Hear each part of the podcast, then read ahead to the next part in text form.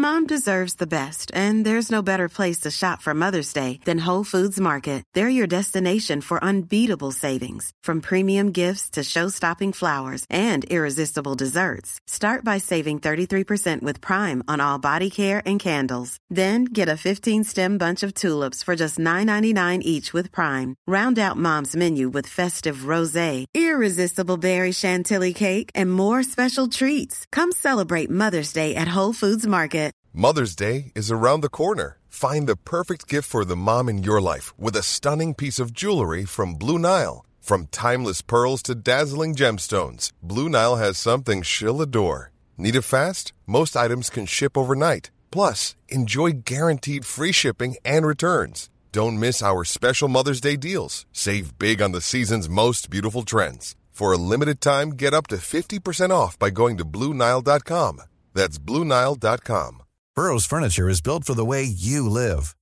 From ensuring easy assembly and disassembly to honoring highly requested new colors for their award-winning seating, they always have their customers in mind. Their modular seating is made out of durable materials to last and grow with you. And with Burrow, you always get fast, free shipping. Get up to 60% off during Burrow's Memorial Day sale at burrow.com slash ACAST. That's burrow.com slash ACAST. burrow.com slash ACAST. I can discuss some of the psychological aspects of the case. You've got to get a hold of yourself. Now look here, Johnson, I'm going to get to the bottom of this. I can discuss some of the psychological aspects of the case. And you're really crazy, you know that? Oh, yes, I remember that. Is this any concern of yours? Stop, stop, stop it now. I mean it. Ja, hei, det er psykolog Sondre Livre her. Diagnosen er dessverre svært alvorlig. Det viser seg at alt du tenker og føler er feil. Du må for all del ikke stole på hjernen din, den lyver. Alt du opplever er filtrert via nevroser fra ubevisste avkroker. Hvis du følger nøye med, er det en liten mulighet for at jeg kan hjelpe deg. I discuss some of the I discuss some of the I discuss some of the psychological aspects of the case. Oh, I'm just losing my mind, that's all. Du må ikke tro på hjernen din.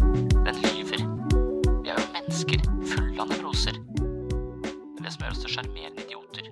Jeg har snakket med Cecilie Hoksmark, som blant annet er primus motor bak prosjektet Åpenhet. I boken sin om barnløshet forteller hun om hvordan hun brukte ti verdifulle år på å forsøke å få barn. Jeg traff Cecilie for flere år siden, og da jobbet hun med å starte opp en podkast som skulle handle om barnløshet. Og den podkasten, den har hun virkelig fått fart på. Der er det utrolig mange interessante gjester, og det handler ikke bare om det å være ufrivillig barnløs, men det handler også mye om det å skape mening i livet. Cecilie hun har altså en periode i livet sitt forsøkt å få barn uten å lykkes, og det er forbundet med en stor sorg for henne, men istedenfor å gå til grunne eller grave seg ned, så har hun virkelig brukt denne erfaringen på å undersøke hva gjør egentlig mennesker for å skape mening i livet sitt. Og da fant hun vel ut at barn er ikke den eneste veien til et godt og meningsfullt liv. Men med et ønske om å være som andre og leve opp til forventningene fra samfunnet og til seg selv, så har hun hatt ganske mange år hvor hun har strevd etter noe som hun til slutt måtte oppgi. Det er mange forventninger i livet som ikke innfris. Cecilie sleit altså med en komplisert blanding av sorg og håpløshet i lang tid, før hun innså at det finnes andre veier til et godt og meningsfullt liv enn barn og reproduksjon. Ved å følge verdiene våre vil vi kunne få daglige doser av hverdagslykke og føle en større tilfredshet i livet, sier hun i et av sine foredrag. Cecilie har altså skrevet en bok om barnløshet, og hun driver en podkast om samme tematikk. I dag skal jeg snakke med henne om hennes opplevelser og refleksjoner rundt det å leve et meningsfullt liv. Boken hennes Barnløs handler om å ikke lykkes med det som tilsynelatende er normen i samfunnet. De fleste ser for seg en fremtid med familie og barn. Slik var det også for Cecilie. I nesten ti år, altså, forsøkte hun å få barn, men fikk det aldri. I boken forteller hun om årene med IVF-behandling om belastningen og skuffelsene, om forholdet som gikk i stykker, og om å miste barn i svangerskapet. Hva gjør en voksen kvinne når livet må defineres på nytt, fordi ingenting blir slik hun hadde planlagt og håpet? Barnløs er også et dypdykk i hvorfor barn er så viktig for oss.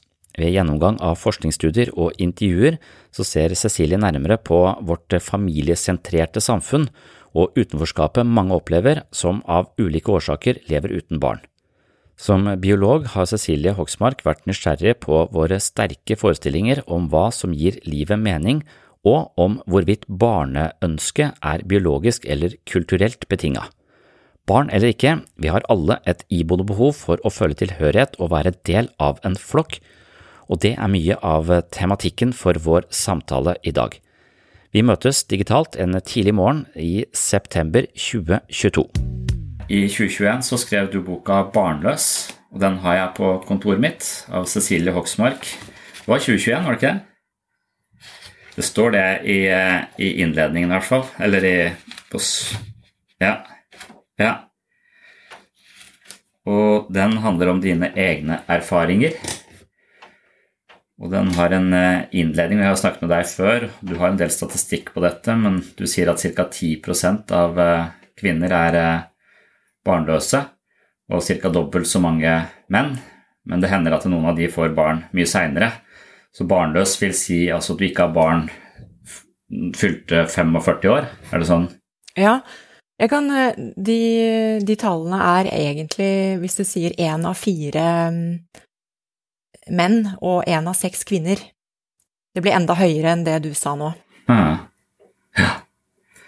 Og, og, det er eh, sårt for mange, og det er et ganske omfattende en omfattende sorg, da, fordi det er så mange det omfatter. Men likevel så snakkes det ikke så mye om. Så, jeg, så Frode Tuen hadde skrevet en innledning til boka di. og nevnte akkurat dette at han som parterapeut ser mange par som sliter med å få barn av ulike årsaker, og at det er en stor sorg, men at den sorgen rett og slett er underkommunisert og kanskje overdøvet av denne barnefikseringa som er i, i samfunnet. Kan ikke du si litt om, eh, om, den boka du har skrevet, og kanskje om prosjektet ditt, og, og hvor, du, hvor, du, kommer fra, og hva, slags, eh, hva du ønsker å formidle med det? Ja. Jeg vil jo si at uh, dette her er jo noe som uh, kommer ut fra, fra, mitt eget liv og min egen erfaring, for jeg strevde jo selv med å få barn i en veldig lang periode, i ti år, og da opplevde jeg at jeg selv var veldig lukket, og følte nok på en veldig stor grad av skam, og var veldig redd for å være utenfor og ikke være som alle andre. Og det er veldig lett for meg å si det nå, fordi nå, nå skjønner jeg det, nå har jeg mer avstand til det. Og det er ikke så lett å, å, forstå det når du er midt i det, fordi da er man i en, en sorg, en, en, en periode hvor du ikke tenker at livet ditt ikke kan bli uten eh, barn, det må bare barn til. Og når jeg selv har fått den avstanden til det, så er det lettere for meg å skjønne hva som skal til for at vi skal kunne klare å bli mer åpne og kanskje, hva skal jeg si, løsne litt opp i alle disse følelsene som er så vanskelige. Og jeg tror mye av det er forbundet med at vi ikke tør å snakke om det. Alt blir jo veldig skummelt som man ikke tør å snakke om. Du føler deg jo bare enda mer unormal, enda mer, mer avvik fra, fra resten av samfunnet. Eh, så det er min eh, eh, Hva skal jeg si Den liksom indre drivkraften for å bidra med dette og gjøre noe. Fordi jeg har opplevd det selv og merket den smerten. Og så begynte jeg med bok, og så ble det en podkast, og du var den første gjesten jeg hadde med i podkasten. Er barn meningen med livet? Gikk rett på. Og så har jeg utvidet prosjektet fordi jeg skjønner at, uh, at, jeg kan ha en viktig stemme, og så er jeg villig til å måte blottlegge min egen historie da, for en god sak. Nå er det nesten det jeg føler at jeg gjør, det handler nesten ikke om meg lenger. Dette er jo om noe mer større. Hmm. For du, hadde, du, du prøvde lenge? Ja, jeg har vært i den kategorien som har prøvd alt, men jeg er ganske glad for at alle muligheter ikke var der. Altså eggdonasjon, som nå er eh, lov i Norge, den muligheten var ikke der. Så jeg fikk stengt den døren tidligere enn jeg kanskje har ville gjort med dagens ø, ordninger, eller hva som er tillatt. Men ti år syns jo jeg er veldig lang tid, da. Det er jo hele mine 30 år, altså fra jeg var 30 til 40. Så ikke, jeg skal ikke si at, at, det er tid som jeg ville vært foruten, eller som jeg har sløst bort og sånn, for selvfølgelig, det skjedde jo mye annet i livet mitt på den tiden også. Men det er i hvert fall lett å se at uh, jeg brukte veldig mye energi og kapasitet på å forsøke å få barn, uten å åpne opp øynene opp for at det finnes jo tross alt mange andre muligheter for et godt liv der ute. Vi må bare forstå hva vi trenger. Og det, det kan vi komme tilbake til, for det syns jeg, jeg, er veldig eh, spennende. For det fyller jo Barn skal jo fylle et eller annet. Et behov hos deg, tenker jeg. Og så tenker jeg at det behovet, det kan vi erstatte med noe annet. Og så lever det jo så mange mennesker der ute som har tatt den beslutningen selv.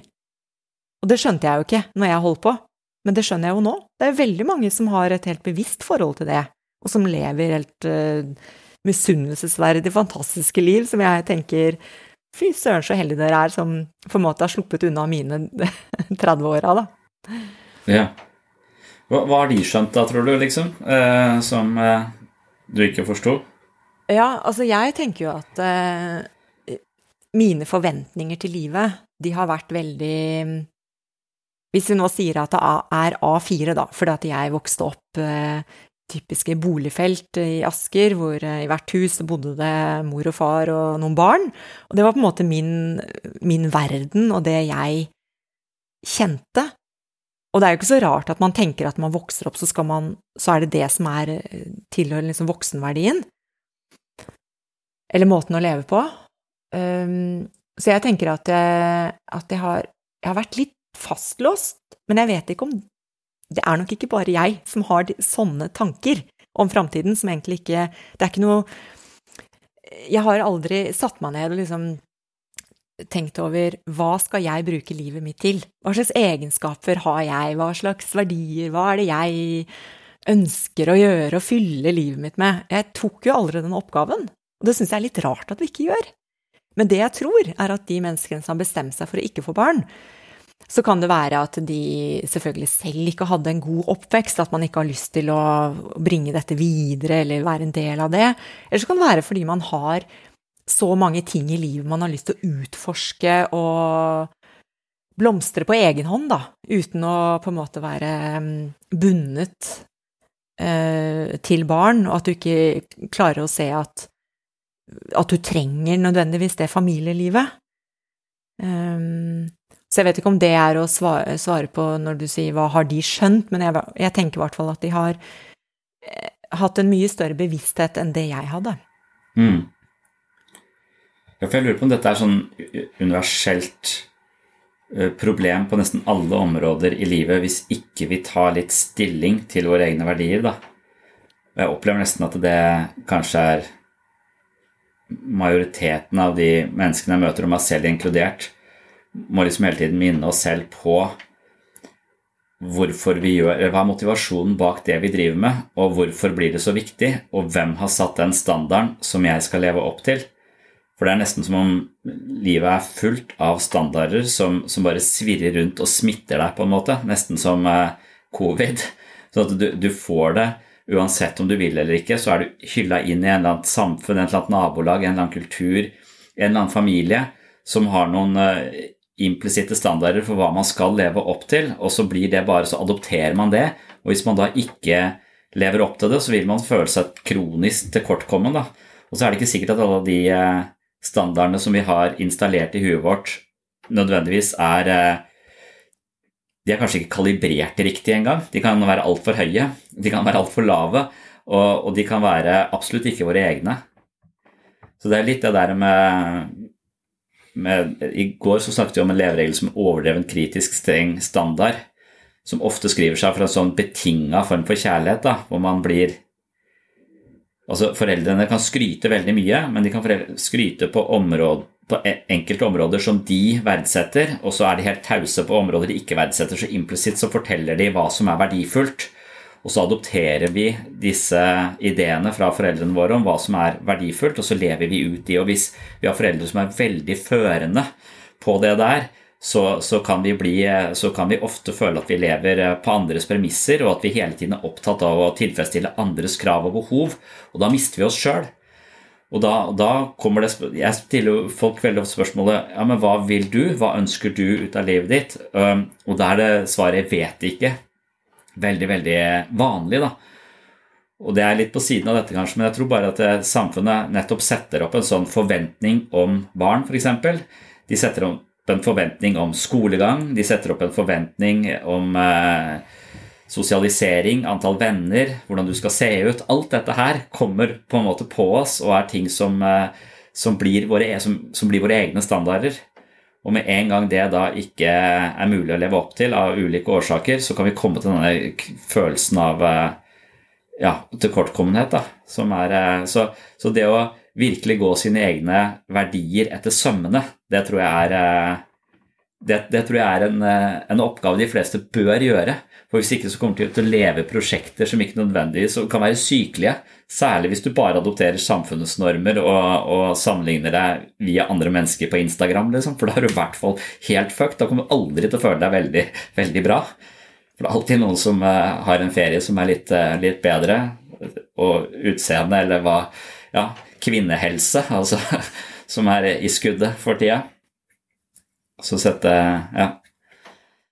Jeg tror de de forventningene Jeg har fundert veldig mye på det, altså, fordi jeg, jeg, føler at eh, Jeg føler at jeg kunne ha gjort eh, veldig mye annet i livet, da, enn det, det, jeg falt ned på. Og så er det ikke det at det er noe galt, det jeg har gjort. Jeg ble biolog, jeg er glad i naturen og opptatt av miljø og, og på den tiden. Men det er veldig mye annet jeg også kunne gjort. Jeg, jeg flyttet altså ikke et år til utlandet som mange andre gjorde. Jeg turte ikke det føles, føles veldig rart nå, som mer eldre. Så det var et eller annet som jeg har følt liksom holdt meg tilbake. Og så har jeg fundert på om min oppvekst, som jeg hele tiden har tenkt har vært veldig bra, med litt sånn Ikke alt, men, men i det store og hele. Kanskje den ikke har vært helt bra likevel. For jeg vokste opp egentlig en skilsmissefamilie, og det skjønte ikke jeg før jeg var voksen, men det var jo fordi at det ikke var foreldrene mine som var skilt. Moren min hadde to eh, sønner fra før, og så flyttet min far inn sammen med de, og, så kommer jeg til verden, og da er mine brødre tenåringer, og de ønsker ikke å ha min far der. Altså, de er, bare hater han, de vil bare ha han ut. Og det fikk jo veldig utagerende ja, med krangling og høye stemmer, og jeg kan huske at jeg sto bak en dør og gråt, og da er jeg fire år. Og det er klart at sånne ting setter jo veldig spor. Og det har jeg husket på, men ikke, jeg, jeg tror ikke jeg liksom har tenkt at, at jeg har vært en del av en skilsmissefamilie, og at det faktisk var litt utrygt. Det var litt ustabilt hjemme. Og så tenker jeg at det, det er ikke noe sånn dette er jo ikke veldig dramatisk. Jeg ble jo ikke utsatt for noe, men, men jeg har da sett andre voksne med, som jeg hadde tillit til, krangle og sånn, og det er jo sikkert sterkt nok. Og så har jeg lurt på det om, om det har vært årsaken til at jeg som voksen ønsket noe som var trygt. At jeg ville ha min egen familie med en mann og så barn som bandt oss sammen, at da ville jeg skape det. Jeg er ikke helt sikker, men jeg, jeg har fundert på det, faktisk. Um, så det kan ligge noe der. Eller så ville jeg jo også ha tenkt at jeg kunne jo blitt helt sky. At jeg tenkte nei, nei, det familiegreiene, det blir bare trøbbel. Det skal ikke jeg inn i. Så jeg kunne også landet på noe, på noe annet. Mm. Ja, for det er mange måter å reagere på, på en barndom på, nesten sagt. Eller folk reagerer veldig, veldig ulikt med veldig mange, mange mønstre. Så det er jo samspillet mellom oss og familien som, som til sammen utgjør den vi, den vi, er, på en eller annen måte, den vi blir. Det er også måten vi reagerer på, det, på, på disse tingene. Så, så, når det gjelder det å få foreldrene som Det kan være litt sånn rollemodeller også for, eh, for høye standarder eller eh, kjernefamilieliv, eller, eh, eller, at det går i oppløsning og at det er en mulighet. Altså, så det kan jo være at vi ser til Det er vel sånn at, at de, de, menneskene som vokser opp i, i en familie med skilsmisse, har en omtrent dobbelt så høy sannsynlighet for å havne i samme situasjon selv.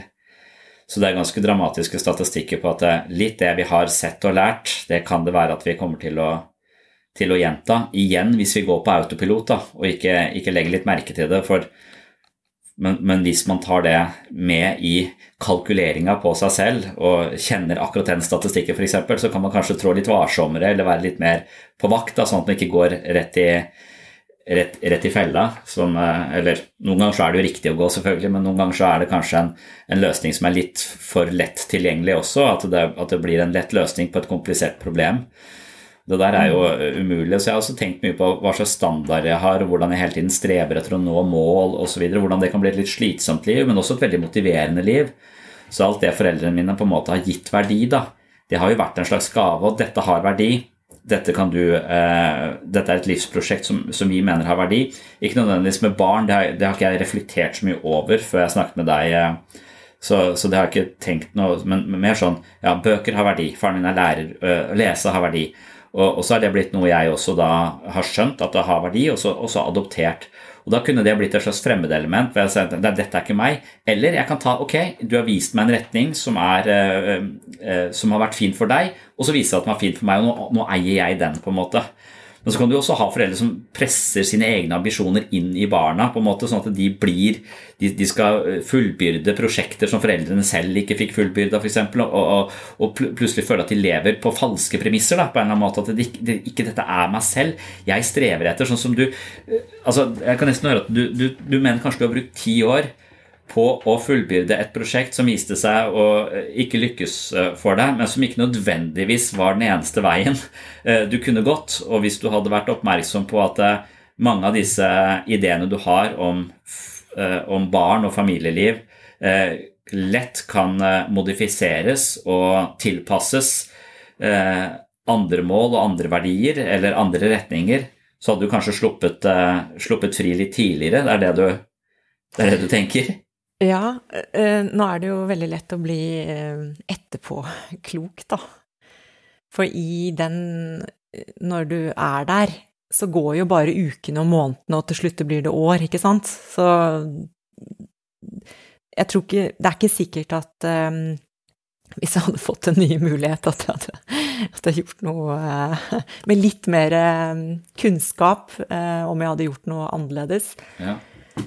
For det er jo all motstanden vi har i livet som til syvende og sist definerer oss på en måte, og, og, og gir oss den lærdommen vi har.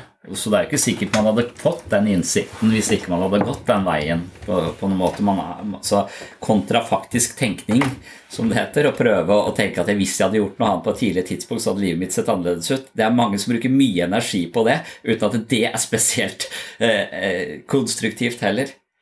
Så, så, heller bare se dette, dette, er en erfaring jeg har fått, og dette er en erfaring, sånn jeg ser det, du har omdannet til noe meningsfullt. Og, det er jo litt sånn at, at man det, det, ser hos noen mennesker at de klarer å omdanne eh, en eller annen form for sorg og tap i livet sitt til noe veldig betydningsfullt. Og det syns jeg det er alltid fascinerende å se.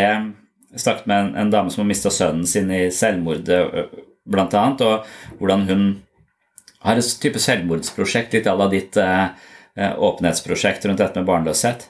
Så, så hun, hun, har den samme åpenhetsprosjektet rundt, eh, rundt, selvmord, og da blir liksom den største sorgen eh, i hennes liv da, det blir eh, også en, en, kilde til mye mening. Ja. Det er jo litt fascinerende. Det er veldig fascinerende. Jeg skjønner nesten ikke at det kan gå an, men det er som om det ligger helt voldsomt mye energi i det, og det gjør det jo. Det er voldsomt mye energi i sorg, tap, bitterhet Alle de følelsene vi egentlig har lyst til å ha bort, de er det enormt mye. Altså de, er, de, de, kveler deg jo, de tar jo hele din energi. Man merker det jo psykisk og fysisk. Den energien, den kan man jo på en eller annen måte dra med seg videre. Hvis man klarer å på en måte å Hva skal jeg si Gi litt sånn slipp på det, da Og liksom akseptere at eh, nå må du akseptere at livet ditt blir uten barn og uten familie. Ellers så kommer du jo ingen annen vei. Da står du og stamper i dette. Og så kan du bruke all den der kraften som på en måte er der likevel, da. Fordi det er så sterke følelser som settes i sving. Det er så eksistensielt. Man får litt sånn Hva skal jeg bruke livet til nå, da? Litt sånn stort blikk. Og, og kanskje ikke seg selv som det viktigste lenger, fordi man blir jo veldig navlebeskuende når man er i en sorg og forsøker å få barn, så er det jo bare seg selv og det prosjektet alt handler om.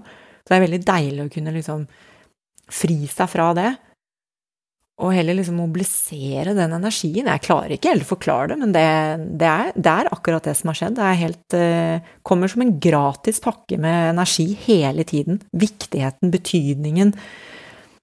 Og så ser jeg jo selvfølgelig at det at det gir noe også. Altså, jeg Jeg får lov til å være gjøre noe nyttig.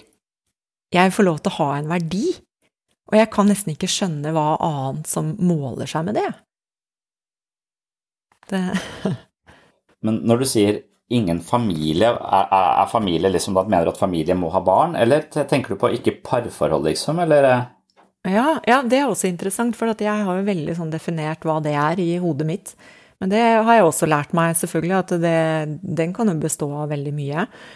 Men jeg hadde jo da sett for meg at jeg um, bodde sånn at hadde vokste opp med foreldrene mine og meg, fordi brødrene mine flyttet jo ut når jeg var ganske liten. Da var det oss. Uh, så det betyr at jeg så for meg at jeg hadde en mann, og så så jeg for meg at vi hadde noen barn. Ikke så veldig mange, ett eller to eller noe sånt. Men det er liksom min sånn kjernefamilie, eller det jeg kaller familie. Og så har jeg jo forstått det at det begrepet er jo Det kan du jo fylle med det du ønsker, egentlig. Men jeg tror, for å liksom forsvare den tanken, da, som jeg kjente nå var kanskje litt sånn fastlåst eh, fortsatt, det er jo at samfunnet er bygget opp rundt en familie. I går på Dagsrevyen så var det der Hvor mye kostnader får en familie nå fra 2021 til 2022 med alle de økte utgiftene? Vi har beregnet ut fra en normal familie, to voksne og to barn. Da, da satt jeg i sofaen og tenkte det er litt rart at dere fortsatt tenker sånn. Det er ikke sånn nødvendigvis at en husholdning består av det, men dette her er så det lever så sterkt i samfunnet, og hvordan politikere uttrykker seg, hvordan vi snakker. Hvor mange barn har du? Har du ett eller to, forventer man da kanskje som svar. Og har du tre? Jøss, yes, det var mange. Altså, det er noe sånn Det er ikke så lett å komme seg forbi den der, da. Jeg, jeg, jeg tenker faktisk det, altså. Selv jeg som har grunnet så mye over det, men, men, jeg syns ikke nå, Akkurat nå så ak, Jeg sier akkurat nå har jeg ikke kjæreste, for jeg tenker at jeg kommer til å få meg kjæreste. Så jeg tenker ikke at jeg kommer til å leve livet mitt uh, alene. Nei, så du, du, kan se for deg, hvis du har en, uh, og du har en partner, så kan jo det være en familie, liksom? Ja, jeg tror nok at uh, jeg vil, at jeg vil si det, ja.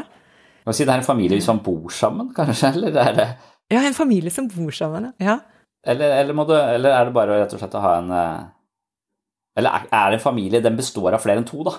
Er, er, en, er, er to stykker et parforhold og en familie minst tre? Hvis du får en hund, da? Er, kvalifiserer du da? Og Volvo? Ja. Har du da familie? Ja. Jeg vet ikke, men eh, når, når, man tenker på de, de tingene, så, så, er jeg også Når det siste så er altså, Av og til så vender jeg tilbake til den litteraturen på ensomhet.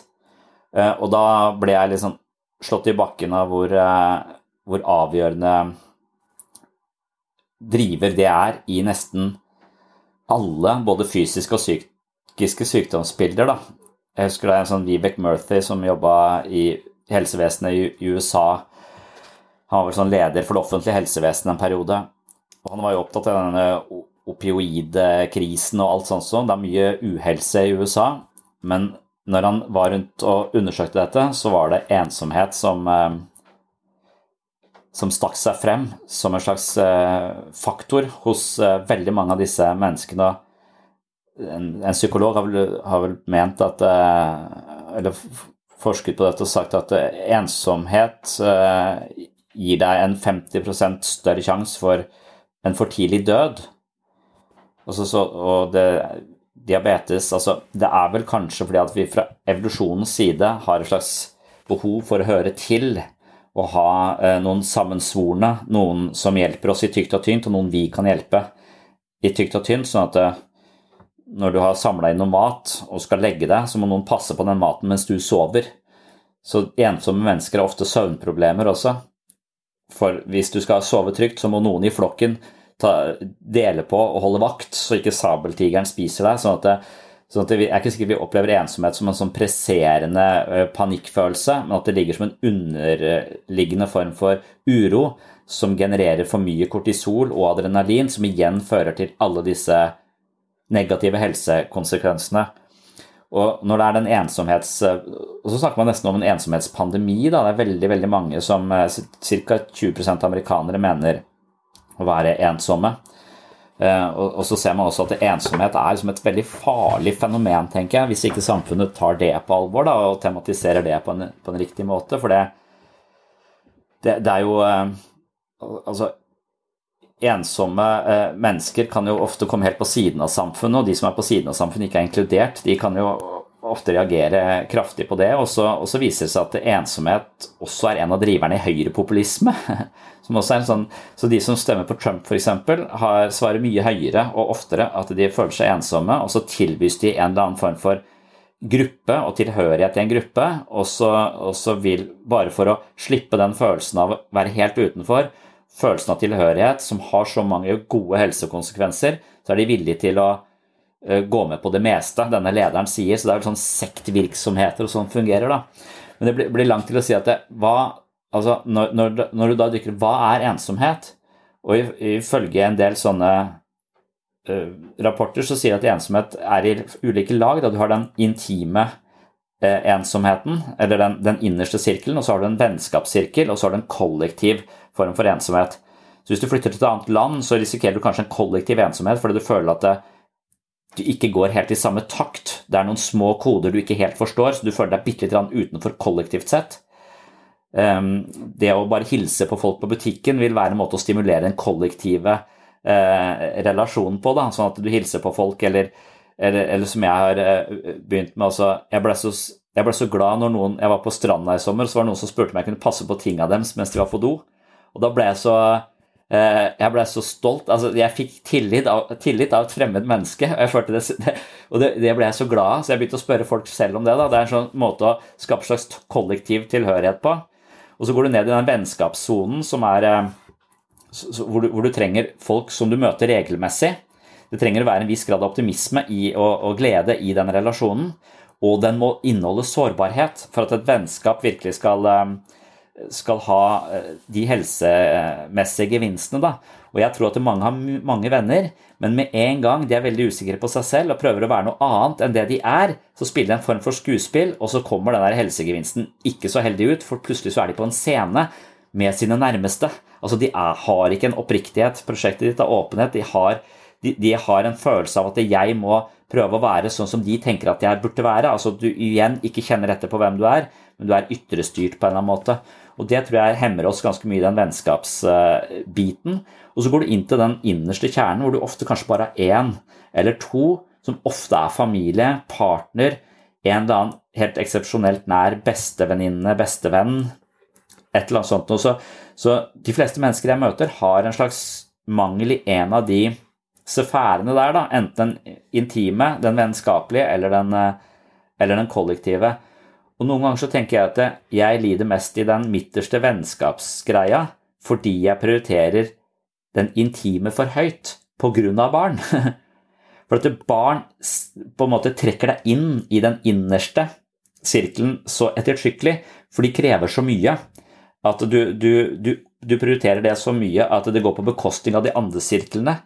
Så jeg tror kanskje mange som har barn, opplever en type Det var litt jeg tenkte på når jeg møtte deg sist, at du, du virker veldig åpen og snakker med, med, eh, med folk og sånn. Så, så, så, at du, du prioriterer eh, den, den, vennskapssirkelen høyere enn meg. Eh, sånn at, og, tenker, og, det har jeg alltid tenkt når jeg leser om Ja, hvis jeg skal vinne helse, så skal ikke jeg gå på helsestudio. Jeg skal prioritere vennskap høyere. For det er det mer helse i enn for meg. Altså, det er mer skadelig å være ensom enn å røyke 15 sigaretter om dagen, sa hun der psykologen. Så der er det mye. Men det er kanskje litt i den gata der også at folk føler at hvis jeg har en familie, så har jeg i hvert fall så er det check på den innerste sirkelen. Den eh, frykten for ensomheten eller utenforskapet eh, er nok liksom eh, Og, og, og da vet jeg ikke hvor mange, hvor mange arenaer samfunnet tilbyr for tilhørighet. Mm. Jeg har tenkt mye over det fordi jeg føler at jeg strevde så mye med å liksom finne ut av hva, liksom, hvem skal jeg være sammen med, liksom, på en måte. Når Jeg jobbet jo den gangen da, hadde jeg fast jobb i et legemiddelfirma, og der følte jeg Og det er veldig lett å tenke sånn til alle andre, men det var sånn jeg følte at alle andre levde i et um, familieliv som var veldig stabilt, ikke sant, og så begynte de å kjøpe seg hytte, og så kom det dit og sånn, mens jeg, mens jeg ikke hadde noe av det i det hele tatt. Så jeg følte at jeg ikke hadde noe å bidra med i liksom diskusjonen rundt bordet når, når temaene kom på dette. Og jeg syntes det var litt kjedelig, og så ble jeg litt provosert, og så ble jeg litt sår. Da kjente jeg på mitt eget savn over ikke å ha dette her, så de vekket jo De pirket jo i det, da, underveis i samtalen. Um, så jeg følte at det var noe jeg savnet, altså den daglige kontakten med noen som liksom passer litt på deg og følger deg opp som du kan ringe til, ikke sant. Liksom 'Du, nå har det skjedd det og det', og En, en sånn person. Det, det, vil jeg si at det tror jeg at livet mitt blir bedre hvis jeg har en sånn person eh, ved min side. Det er jeg ganske overbevist om. Det kan jo være foreldre òg, hvis man har god kontakt med de ganske langt oppi. Også, ja, det, eller, eller, brødre, eller eh, Det kan jo være ganske mange som har Og noen har som, ikke den, verken i familien sin, i foreldre eller i søsken Eh, eller i partner. Og da tenker jeg du, du kan nettopp ha en ganske sånn stor følelse av eh, ja, hvilket fang gråter jeg på, liksom? Ja. Mm. Nå, nå, var jo Eller min situasjon, det er jo at foreldrene mine døde jo veldig tidlig, vil jeg si. Da var jeg 40.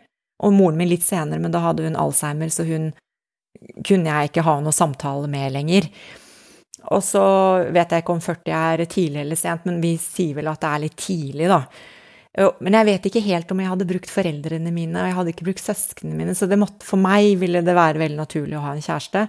Men det jeg merker at jeg gjør nå, det er jo at jeg blir jo mye mer åpen for andre mennesker. I går så hadde jeg behov for å fortelle noe, for det hadde skjedd noe. Så tenkte jeg shit, jeg må, jeg, må, jeg må, snakke med noen. Men så orket jeg ikke det å ringe, så sendte jeg bare en melding.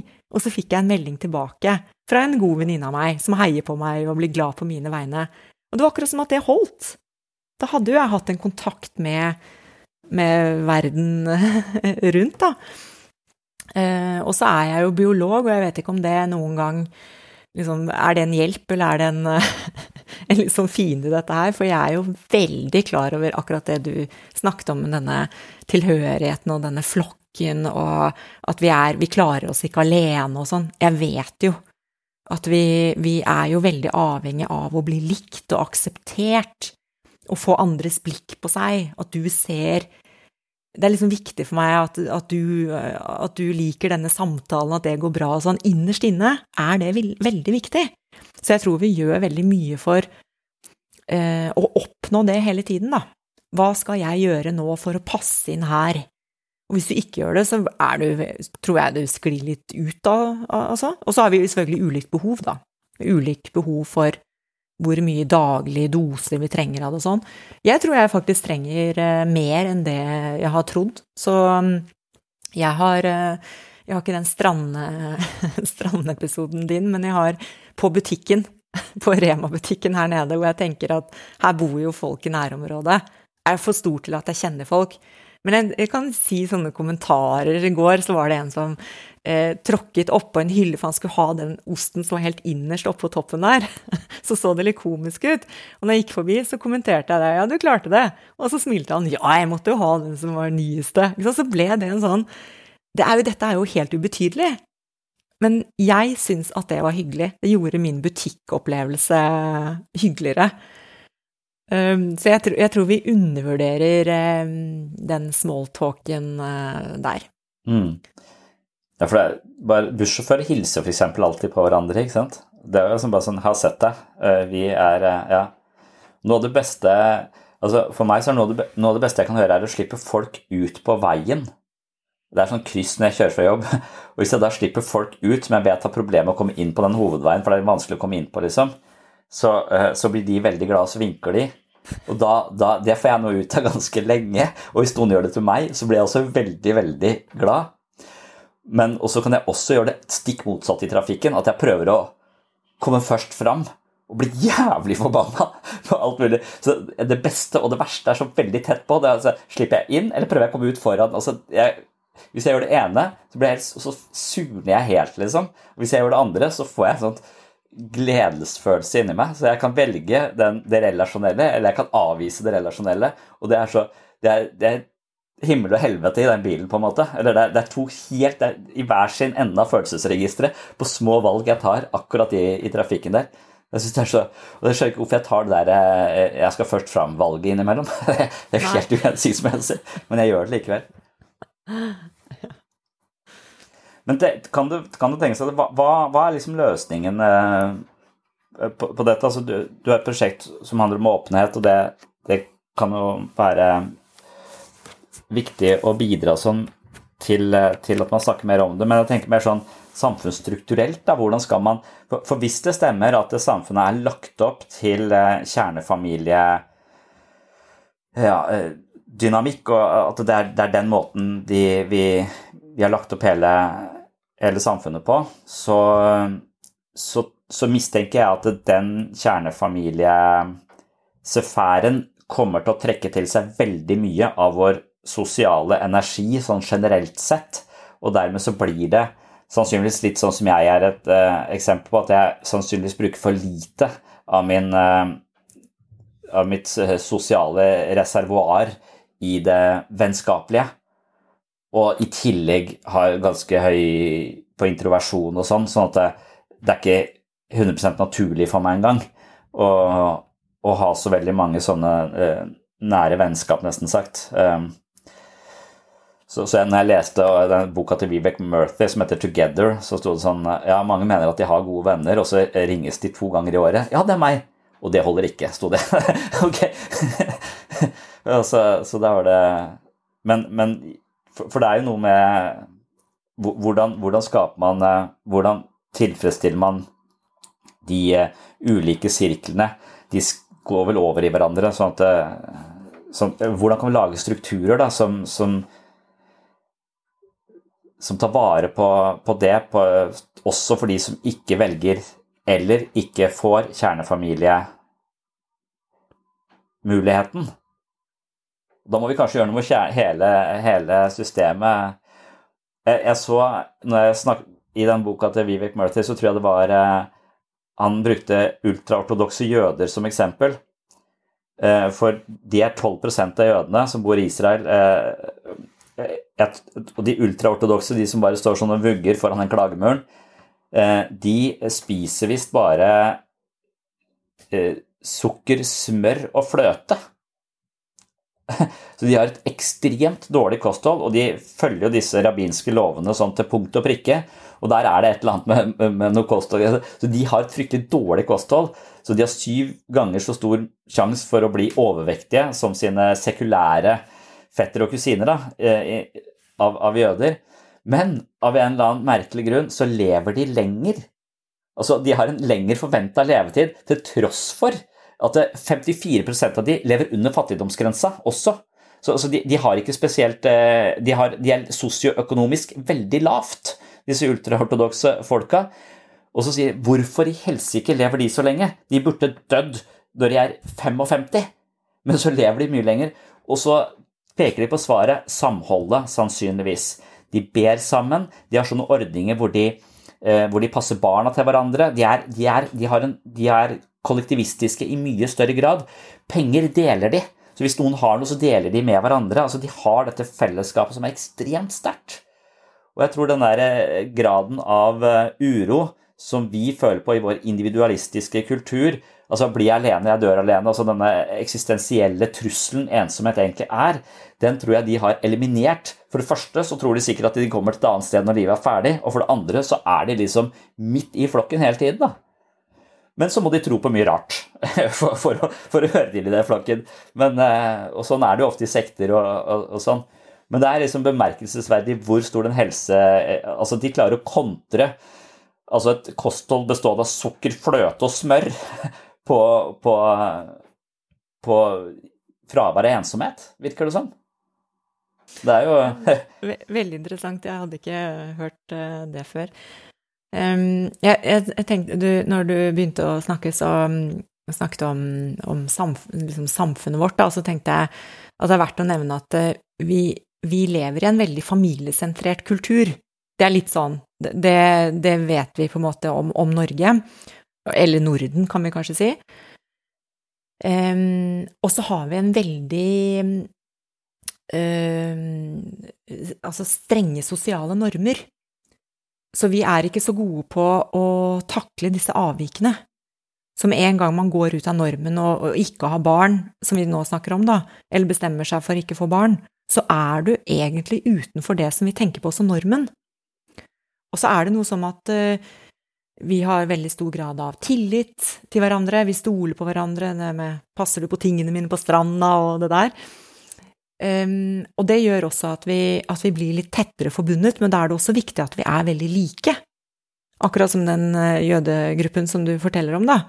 Det er jo likhet som binder de sammen. De tror på noe som er veldig spesielt, og det gjør den gruppen. Det er jo et lim. Ja, og så har de lik sveis. Og det var Sveis. um, og da, da, er det jo Da er jo det um, så sterkt at det er veldig vanskelig å det føles uh, som om du trosser disse normene når du lever et annet liv. Og, det, og, vi bekrefter det også, ikke sant? Vi sier jo sånn jo, men kommer få, det kommer til å ordne seg for deg. Altså ordne seg. Altså, du kommer til å få barn, du kommer til å få en kjæreste. Vi bruker sånne ord. Og da med, det er ganske sterkt, egentlig. Akkurat som det ikke er nok i seg selv at du uh, Linda sånn vokser opp og gjør det, det, eller finner på noe annet og gjør det og det, liksom. Det er akkurat som vi ikke helt liksom godtar det, da, aksepterer det, og at alt annet er uh, litt sånn annenrangs. Uh, og jeg tenker at det der er, det der er ganske sterkt, for det handler om å, å, føle at man er blitt invitert med i et fellesskap, og, og det er mulig i mitt hode så ser jeg på dette her med litt sånn barnløs-brillene på, da, selvfølgelig. Men det er jo at eh, i en verden hvor man har barn, så er det jo veldig mye aktiviteter og sosialt samvær som er på grunn av barna. Så du blir invitert med på Du er på foreldremøte, du holder på med noe barnehagegreier, det er skoleavslutninger, det er bursdager til alle disse barna. Jeg tipper at det er ganske mye i din kalender som er fylt opp rundt dette med barna dine, og at den hadde blitt ganske Det er så mye at jeg føler jeg får hjerteinfarkt av det. Ja, ikke sant? Og så er det litt gøy, for da kommer den klagingen Jeg føler at det er litt klaging, da, for jeg tenker ja, det er det. Jeg syns jo du er litt heldig, for at du, du har eh, noe som liksom er tilrettelagt, du vet hvor du skal, du er invitert, du får en telefon, en melding 'kan du komme dit', og sånn. Du blir liksom sånn Du blir inkludert med, folk tar tak i deg og drar deg med inn og sånn. Og jeg, jeg har veldig få sånne arenaer hvor noen sier Cecilie, nå trenger vi deg, liksom. Jeg har fått det i prosjektet mitt. Nå skjønner jeg det. Jeg kan ikke stoppe med dette prosjektet. Men det er jo da eh, liksom egenskapt. Men jeg har altså mm, Når folk spør meg hva jeg skal i november, så er det eh, veldig lite. Den kalenderen er helt åpen. Og så kan det være veldig befriende. Veldig fantastisk. Men det er også noe jeg føler mangler. Jeg blir litt stresset av at jeg ikke vet hva jeg skal gjøre. Og ikke, for å ikke snakke om desember, det syns jeg faktisk er grusomt. Det, det, lurer jeg på alltid hvert år, hvordan jeg skal løse desember. Vi snakker en hel måned. Eh, så jeg mm, tenker at, eh, at barnefamilier får veldig mye gratis, og at, den, at det har blitt en sånn økende Jeg kan ikke kjenne det igjen fra når jeg var liten. Altså, foreldrene mine fulgte ikke meg til trening. De husker en gang faren min leste hva Asker og Bærum Bustikke, så var det bilde av meg og en venninne på førstesiden, for vi hadde vunnet en eller annen cup. Og så sier faren min 'jøss, har du spilt fotball?' Så ikke sant, bare det er jo Jeg lo av det da, for han, han, visste det egentlig, men han glemte det sånn og trett på morgenen og sånn. Men, men det Bare det sier jo litt om at vi har endret oss veldig til at disse barna skal få veldig oppmerksomhet, og da stjeler de din tid. Den du, forteller du nå at den har du brukt opp. Og det, sånn opplever jeg det også med mange av mine venner, som jeg må Altså, jeg må bruke veldig mye tid for å skape aktivitet. Mitt sosialt, sosiale behov må jeg bruke, investere veldig mye i. Eh, og det er ikke en ulempe, for det er jo en slags trening. Jeg blir jo veldig god på det etter hvert og kanskje ikke så sår for å, for å, få nei og folk ikke kan. Det ble jeg veldig i starten. Jeg syntes jeg var skikkelig tungt. Eh, da tenkte jeg nå gidder jeg ikke å ta kontakt med deg mer på et halvt år. Jeg kunne bli sånn. Men nå så tenker jeg mer at folk eh, liker at jeg tar kontakt. Folk liker å høre at eh, du, dette jeg har, jeg har, noe veldig spennende her. Jeg, jeg trenger en å diskutere med. Har du lyst til å gjøre det? Og det liker folk. Så Men jeg føler jo at jeg må jobbe eh, mye for å fylle det sosiale behovet mitt. Mom deserves the best, and there's no better place to shop for Mother's Day than Whole Foods Market. They're your destination for unbeatable savings, from premium gifts to show-stopping flowers and irresistible desserts. Start by saving 33% with Prime on all body care and candles. Then get a 15-stem bunch of tulips for just $9.99 each with Prime. Round out Mom's menu with festive rosé, irresistible berry chantilly cake, and more special treats. Come celebrate Mother's Day at Whole Foods Market. Hiring for your small business? If you're not looking for professionals on LinkedIn, you're looking in the wrong place. That's like looking for your car keys in a fish tank. LinkedIn helps you hire professionals you can't find anywhere else, even those who aren't actively searching for a new job but might be open to the perfect role. In a given month, over 70% of LinkedIn users don't even visit other leading job sites. So start looking in the right place. With LinkedIn, you can hire professionals like a professional. Post your free job on linkedin.com slash people today. Mom deserves the best, and there's no better place to shop for Mother's Day than Whole Foods Market. They're your destination for unbeatable savings, from premium gifts to show-stopping flowers and irresistible desserts. Start by saving 33% with Prime on all body care and candles. Then get a 15-stem bunch of tulips for just $9.99 each with Prime. Round out Mom's menu with festive rosé, irresistible berry chantilly cake, and more special treats. Come celebrate Mother's Day at Whole Foods Market. Ja. For det var det vi snakket om første gang vi snakket, og som, som vil være mitt Når du spør er barn meningen med livet? Det tror jeg var det den spørsmålet du lufta når du var her eh, hos meg for en stund siden. Eh, og det er akkurat dette elementet her som jeg tenker er eh, Det er mye gratis. Altså at det i hvert fall Altså jeg, jeg, har nok vært sånn desperat Jeg husker når jeg skulle flytte til et annet land og ikke kjente noen og sånn, så var jeg nesten sånn da, Jeg var, definerte det ikke som frykten for ensomhet, men jeg følte meg nærmest sånn desperat. Eh, første skole da, alle smiler og skal på universitet og sånn. Men da tenker jeg at det står desperate mennesker som trenger relasjoner, for her har de ingen. Men alle var i samme båt, så du bare flokker sammen med mennesker du sannsynligvis aldri hadde eh, hadde para opp med i andre omstendigheter og så oppdager du alle menneskene du har gått glipp av. på en måte sånn at du, Det er en sånn sosial hunger der, da, for at folk er et I hvert fall når du kommer fra Norge og du er i et annet land, og, du, og så finner du en annen norsk, og så blir du kjent ikke sant? Så, så, så du er sånn veldig på men, men, da har du universitetet som rammen for, eh, for den eh, samhandlinga. Og, og, hvis jeg bare hadde flytta inn til det landet og skulle jobbe og ikke hadde hatt særlig kollegaer, sånn, da skjønner jeg ikke åssen jeg skulle gjort det. Og når jeg da er eh, litt sånn introvert i utgangspunktet, så, så, hadde jeg nok bare gått rundt med mye frykt og usikkerhet. Jeg vet ikke helt åssen Så jeg tenker at det, det, du sier med barn, at det, det gir deg så mange arenaer som når du har det, tar det for gitt, og du opplever det som stressende fordi at det, for, Jeg føler jo at det er jeg glemmer noe helt til. Noen skal, dra, noen skal kreve noe av meg hele, hele, hele tida, liksom. Så mye at det blir overveldende. Eh, så, jeg klarer ikke å, å, følge opp i det hele tatt, da. Og det er øh, så, så, så, da føler man jo liksom at man prøver å At livet har pressa deg litt opp i en krok øh, hvor, hvor, det er så mye, mye, krav, og du prøver liksom bare sånn Nei, jeg, or jeg orker ikke mer. Og det er vel fordi at man da har så mange sånne arenaer som, eh, som jo egentlig er veldig verdifulle fordi de skaper relasjon. Og noen sånne arenaer må jeg si er direkte giftige også. Du kan si foreldremøte. altså Der er det eh, der må du ljuge litt for å komme deg unna uten å, å måtte skamme deg for den du er. Altså Der er det høythengende standarder, og de blir bare høyere og høyere. og høyere høyere. Så Hvis du virkelig føler deg tilkortkommen, så kan du få deg barn og gå på foreldremøter. Da, da, vil du føle at du ikke strekker til. Så det er en kilde til å føle seg eh, udugelig.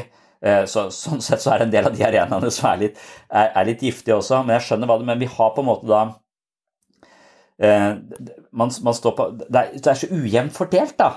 Noen får for mye av det, så de blir overvelda eller har for mange sånne forpliktelser inn i de arenaer. Og noen må jobbe aktivt for å komme inn. Og, og jeg tenker det er beundringsverdig. Jeg, ser på det som en slags sånn psykologisk muskel. Da, å klare å skape seg et, et, et, eh, en arena, et nettverk, en måte å leve på uten hjelp fra etablerte strukturer.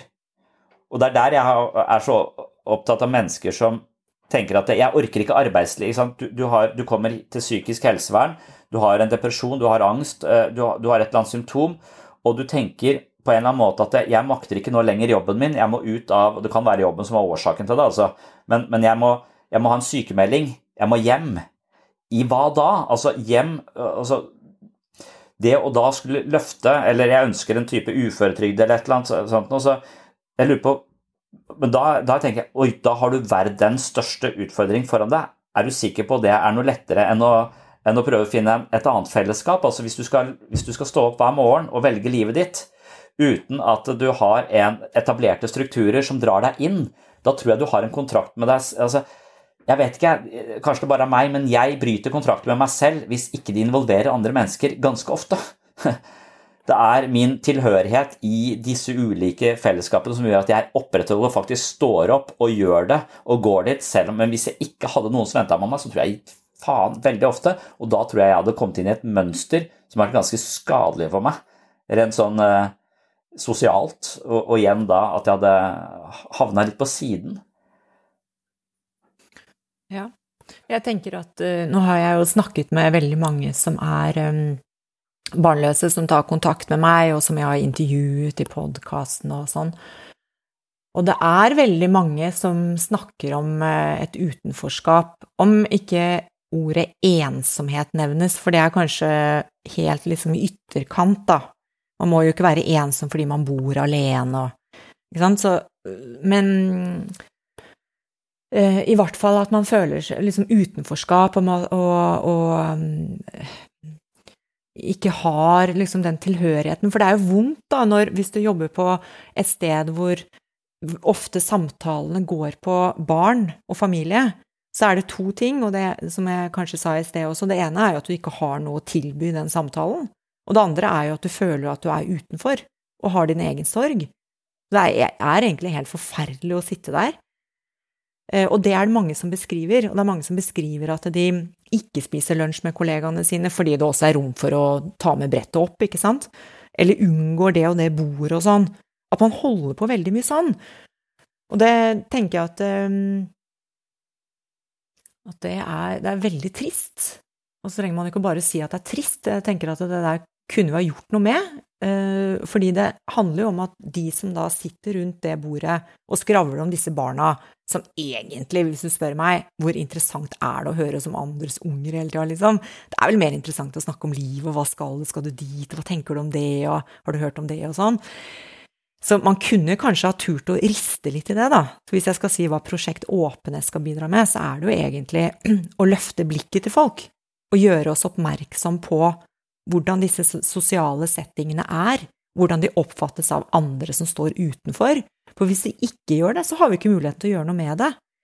Og dette her kan jo ikke være noe som kommer ovenfra, det kan jo ikke være Stortinget bestemmer herved at dette, være, dette er jo oss, dette er jo kulturen vår, og den har vi jo muligheten til å endre litt, da. Det er sikkert veldig seigt, men vi har i hvert fall klart å endre oss fra barneoppdragelse fra 70-tallet og fram til nå, da, hvor man liksom skal eh, være altoppslukende, og 70-tallet var det kanskje litt mer fritt. Så på Eller skal vi si gi det, gi det ti år, da. At vi liksom klarer å innse at åh, nå prater jeg om de barna hele tiden. Jeg bruker fritida mi på det, og så bruker jeg faen meg lunsjen på jobben òg. En liten sånn tanke gjennom eh, hodet. Og så kan det jo også gjøre at de som ikke har barn, tør å si nei, folkens, skal vi bytte tema, eller? Så må det bli litt sånn spøkefullt at det er lov å, å komme med det, istedenfor at det blir så anstrengt og, og, og knytt og, og liksom At man ikke tør fordi man er så redd for å såre og redd for å blottlegge seg hvis man sier 'kan vi ikke snakke om noe annet', og liksom det er, vel, det er vel det som blir prosjektet mitt, da. Å få begge, ikke, ikke, bare de barnløse, men samfunnet generelt, til liksom mm.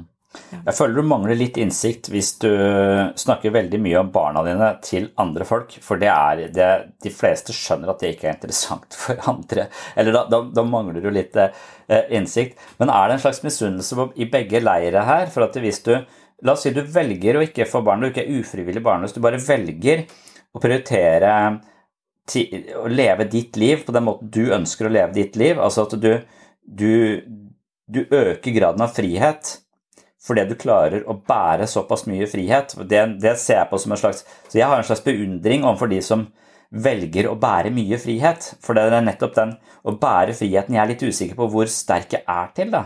For det, det å bære bære livet sitt uten alle disse rammene som bestemmer hva jeg skal gjøre. Da må jeg ta alle valg sjøl, da. Og, og den, den, friheten er forbundet med Altså, det er jo noe Du har kanskje snakket med Else som, som, som, snakker om den fordømte friheten. eh, har skrevet en bok, eller, eller det ha alle disse valgmulighetene er tungt eh, for oss. Så på en annen måte så kan man sitte i et sånt møte at det, det eneste livet mitt er bare jobb og fotballtreninger, og jeg har ikke noe særlig annet. Det hender jeg hører på en podkast om eh, amerikansk politikk, men det er det eneste jeg har. Altså at, at, man føler seg i perioder rett og slett bare sånn oppspist. Noen er oppspist av jobben sin, noen, eh, at, man, eh, at man er rett og slett fanga i Mens hvis man da har prioritert noen av disse forpliktelsene vekk, så har man en mye større grad av frihet hvis man har valgt å klare å bære det. da. Så man kan jo se litt sånn beundringsverdig på det fra den siden òg, at man rett og slett kan føle seg litt kjedelig og, og, og, låst i sin situasjon overfor mennesker som har mye større frihet. Og så er det de som da havna i den friheten ufrivillig, som ikke klarer å bruke det som en frihet, men bare som en sorg, eh, som, som, du også beskriver. Ehm, og da vil, eh, da vil all det pratet om barn bare være en slags påminnelse om eh, det jeg mangler, eller det, det jeg skulle ønske, eller det, det, som ikke ble, og et, eh, en sånn smertefullt fokus. Så Ja, jeg, jeg tror kanskje det kan være misunnelse fra begge leire, fordi jeg hadde jo ehm, men, jeg, men, det er som du sier, da. Jeg hadde jo ikke valgt det selv, og da var det vanskelig å nyte den friheten. Men jeg ser jo det nå. Alle de reisene jeg har vært på, alle turene og alle kursene og alle folka jeg har pratet med. Liksom kan styre hverdagen selv. Det er jo egentlig vært um, helt fantastisk, men jeg, i starten så klarte jo ikke jeg å nyte det. Jeg gjorde det for å fylle opp tiden min, sånn at jeg ikke skulle sitte for mye hjemme alene, da. For det skjønte jeg at det ville jeg ikke ha noe godt av. At jeg liksom måtte fylle det med noe annet som tok ny oppmerksomhet og ga meg noe glede og liksom At det skjedde noe, da. Um, men jeg tenker også at de som har valgt det selv Jeg berømmer også de veldig, da, for jeg tror de har, lever veldig gode liv, rett og slett. De er så tro mot uh, det de selv uh, ønsker. Um, det virker uh, sunnere enn et liv hvor som jeg, som absolutt skulle ha den familien, som skulle liksom fylle mitt behov for noe som var trygt, eller ja, noe jeg manglet liksom i, i livet. Ja, du kan jo tenke at det, noen av de er sunnere, men noen av de kan også kanskje være sånne karrierejegere som er veldig sånn egosentrisk motivert også. Hvor, hvor de istedenfor å sette inn eh, kjernefamilien som hovedmål, setter inn eh, høy lønn og prestisje. Og, og, løper på livets tredemølle eh, og, og, blir andpustne fordi at det, alt dreier seg om et eller annet sånt. Så jeg tror vel hele tiden, Uansett hva vi gjør, så er det vel den underliggende motivasjonen vi har hvis vi hele tiden skal nå et mål der framme og hele tiden strever etter det og, og, og gir det en sånn altoverskyggende prioritet, så, så, så, kan det også bli en sånn eh, litt sånn egosentrisk perspektiv. Da. Hver gang jeg føler jeg mangler noe som jeg skal ha, så blir jeg jo litt fanga av min egen, min egen, mangel. Og da er det det med å løfte blikket kanskje litt eh, Da blir man kanskje litt inn i et annet sånn livs... Eh, det fins vel mange livsprosjekter som kan være både gode og, og usunne, avhengig av hvordan man spiller det spillet, liksom. Og at karriere kan være det Altså, heroin kan jo bli et livsprosjekt. Da handler det stort sett om å, å, skaffe penger til neste skudd, og det må du nesten bruke all tida di på. Da har du ikke tid til verken barn eller, eller noe annen jobb, nesten sagt. Og det, det er jo også et eh, et, et, et, innhold, på en måte, men det er ofte et veldig skadelig innhold fordi det har så mange bivirkninger, akkurat det, eh, det, det, stoffet. Men hvis eh, status er ekstremt viktig for en, da, og, og man da tenker at jeg har, ikke, jeg har, egentlig ikke tid til andre mennesker, for jeg må bare jobbe med min, min egen karrierestige. Så, så, er, så, det er vel eh, For meg så, så er det der med å prioritere altså, det, det, det mellommenneskelige, uansett hvordan vi organiserer det, da, som ikke kommer helt naturlig for meg, det viser seg, og sånn er det med alt jeg føler er sunt. Det kommer ikke helt naturlig for meg. Tran er sunt, det kommer ikke naturlig for meg å drikke det. Eh, det, er så mange sånne ting, og akkurat det sosiale også, at det er Aristoteles snakker om teliske og ateliske aktiviteter. Og teliske aktiviteter det er det du gjør for å nå et mål. Eh, det er en standard du skal leve opp til, det er et mål du har satt deg, og så kommer misnøyeparadokset. Det er mye motivasjon i å nå det målet, men, men når du ikke når det, så føler du deg mislykka. Og når du når det, så vil ofte gevinsten føles litt sånn triviell og tom. Du forventer at det, 'nå skal det bli bra', og så, og så uteblir den voldsomme gleden du hadde, du hadde håpet på da, ved å nå målet ditt. Så ved å ha sånne teliske, altså telos, ha et formål, det vil være det risikerer en litt slitsom måte å leve livet sitt på. Vi må ha mål. For Hvis vi ikke har noen mål, så er det ikke nesten noe vits i å stå på morgenen. Men for meg så er det det med å ha ikke- eller ateliske aktiviteter, ting jeg gjør bare for at det å gjøre det er en slags eh, verdi i seg selv. Ikke gå tur i skogen for å gå mest mulig skritt, men for å bare være til stede i, i naturen. Og da tenker jeg det å være sammen med mennesker bare for å være sammen med mennesker uten å skulle bli likt av de, score et sosialt poeng, få de bekjentskapene, sånn at det, det kan jeg loggføre altså, eh, Ikke nettverking, bare være sammen. For ethvert sånn prosjekt som er atelisk, da, som jeg mener også kan gi Aristoteles mener at det også kan tilføre livet veldig mye mening. Så han mener mening i å nå et mål, men det er også mening i aktiviteter du gjør. Og, og gevinsten er i aktiviteten i seg selv. Det er ikke noe du skal nå, du skal bare gjøre det. Og, der mener jeg at det, det, å være sammen med venner er en, eh, kanskje den viktigste ateliske eh, aktiviteten vi kan gjøre. da, Bare ha, være med, med mennesker som vi, som vi, bryr oss om, og som bryr oss og, og, og, jeg har av og til tenkt sånn Hva skal jeg få ut av det? Hvorfor skal jeg gå ut der? Hva er vitsen med det? Jeg har jo så mye annet jeg eh, trenger å få gjort. Og, og sett at jeg har levd et liv hvor jeg kanskje ikke helt vært klar over hvor viktig de ateliske aktivitetene er, og hvordan livet mitt har blitt stressende og slitsomt pga. et slags overfokus på å nå disse målene og komme dit og gjøre det her og osv. Og, og det er så, så, så, der er vi tilbake til den AT, det der å bare være, ha, bare være sammen og, og prioritere det relasjonelle. Men hvis det relasjonelle Altså, hvis småbarnsfamiliene har tatt monopol på det relasjonelle og har bare sugd seg selv inn i hver sin lille hule, så, så er det nesten umulig å gjøre det valget å stå utenfor, da. At eh, For det, da er det ikke nødvendigvis eh, et eller annet samspillsmønster tilgjengelig det er, ikke satt i system på, noe, på noen måte. Og det er vel kanskje det du vil til livs, da, men, men hver gang jeg snakker, så tenker jeg hvordan, hvordan skal det gjøres, da? Skal vi bli ultraortodoks jøde? Er det det som er Skal du skape en sekt? Eller hvordan, hvordan eh, Det er vanskelig for meg å se hvordan, eh, hvordan det liksom eh, Rent sånn praktisk. Jeg tenker prosjektet blir viktig, men det er vel sånn babyskritt, da, kanskje, eller gå små skritt hele tiden for ja, å kanskje skape en større Du kan ikke revolusjonere dette her på Jeg føler jo at um, Jeg føler at jeg dytter på et stort fjell, ja. hvor det også kanskje er litt motstand mm. mot å endre det. Men ja. så har jeg jo igjen den tanken om at uh, vi har blitt mer og mer familie- og barnefokuserte. Så det kan hende at det er en pendel som svinger litt her også. At det liksom Nå begynner det å trekke seg langt der, og kanskje det skal gå litt til, og så begynner folk å tenke nei, herregud, jeg må ta tilbake livet mitt, voksenlivet, trenger å ha kontakt med andre, andre voksne uten å snakke om barn og så, så, det kan hende at jeg får litt hjelp uh, av det, da. Mm.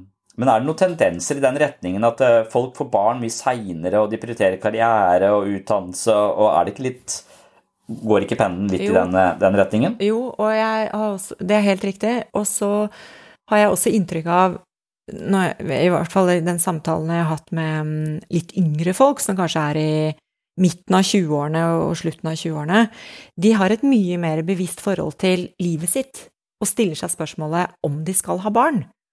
Og det, det, er en helt ny tanke, etter som jeg skjønner, i hvert fall. Den tanken var, var, ikke der hos meg i det hele tatt. Det var ikke noe spørsmål om det. Så jeg tror kanskje at det kommer en generasjon som er mer Og det er på en måte på godt og vondt, da, men de er mer selvbevisste.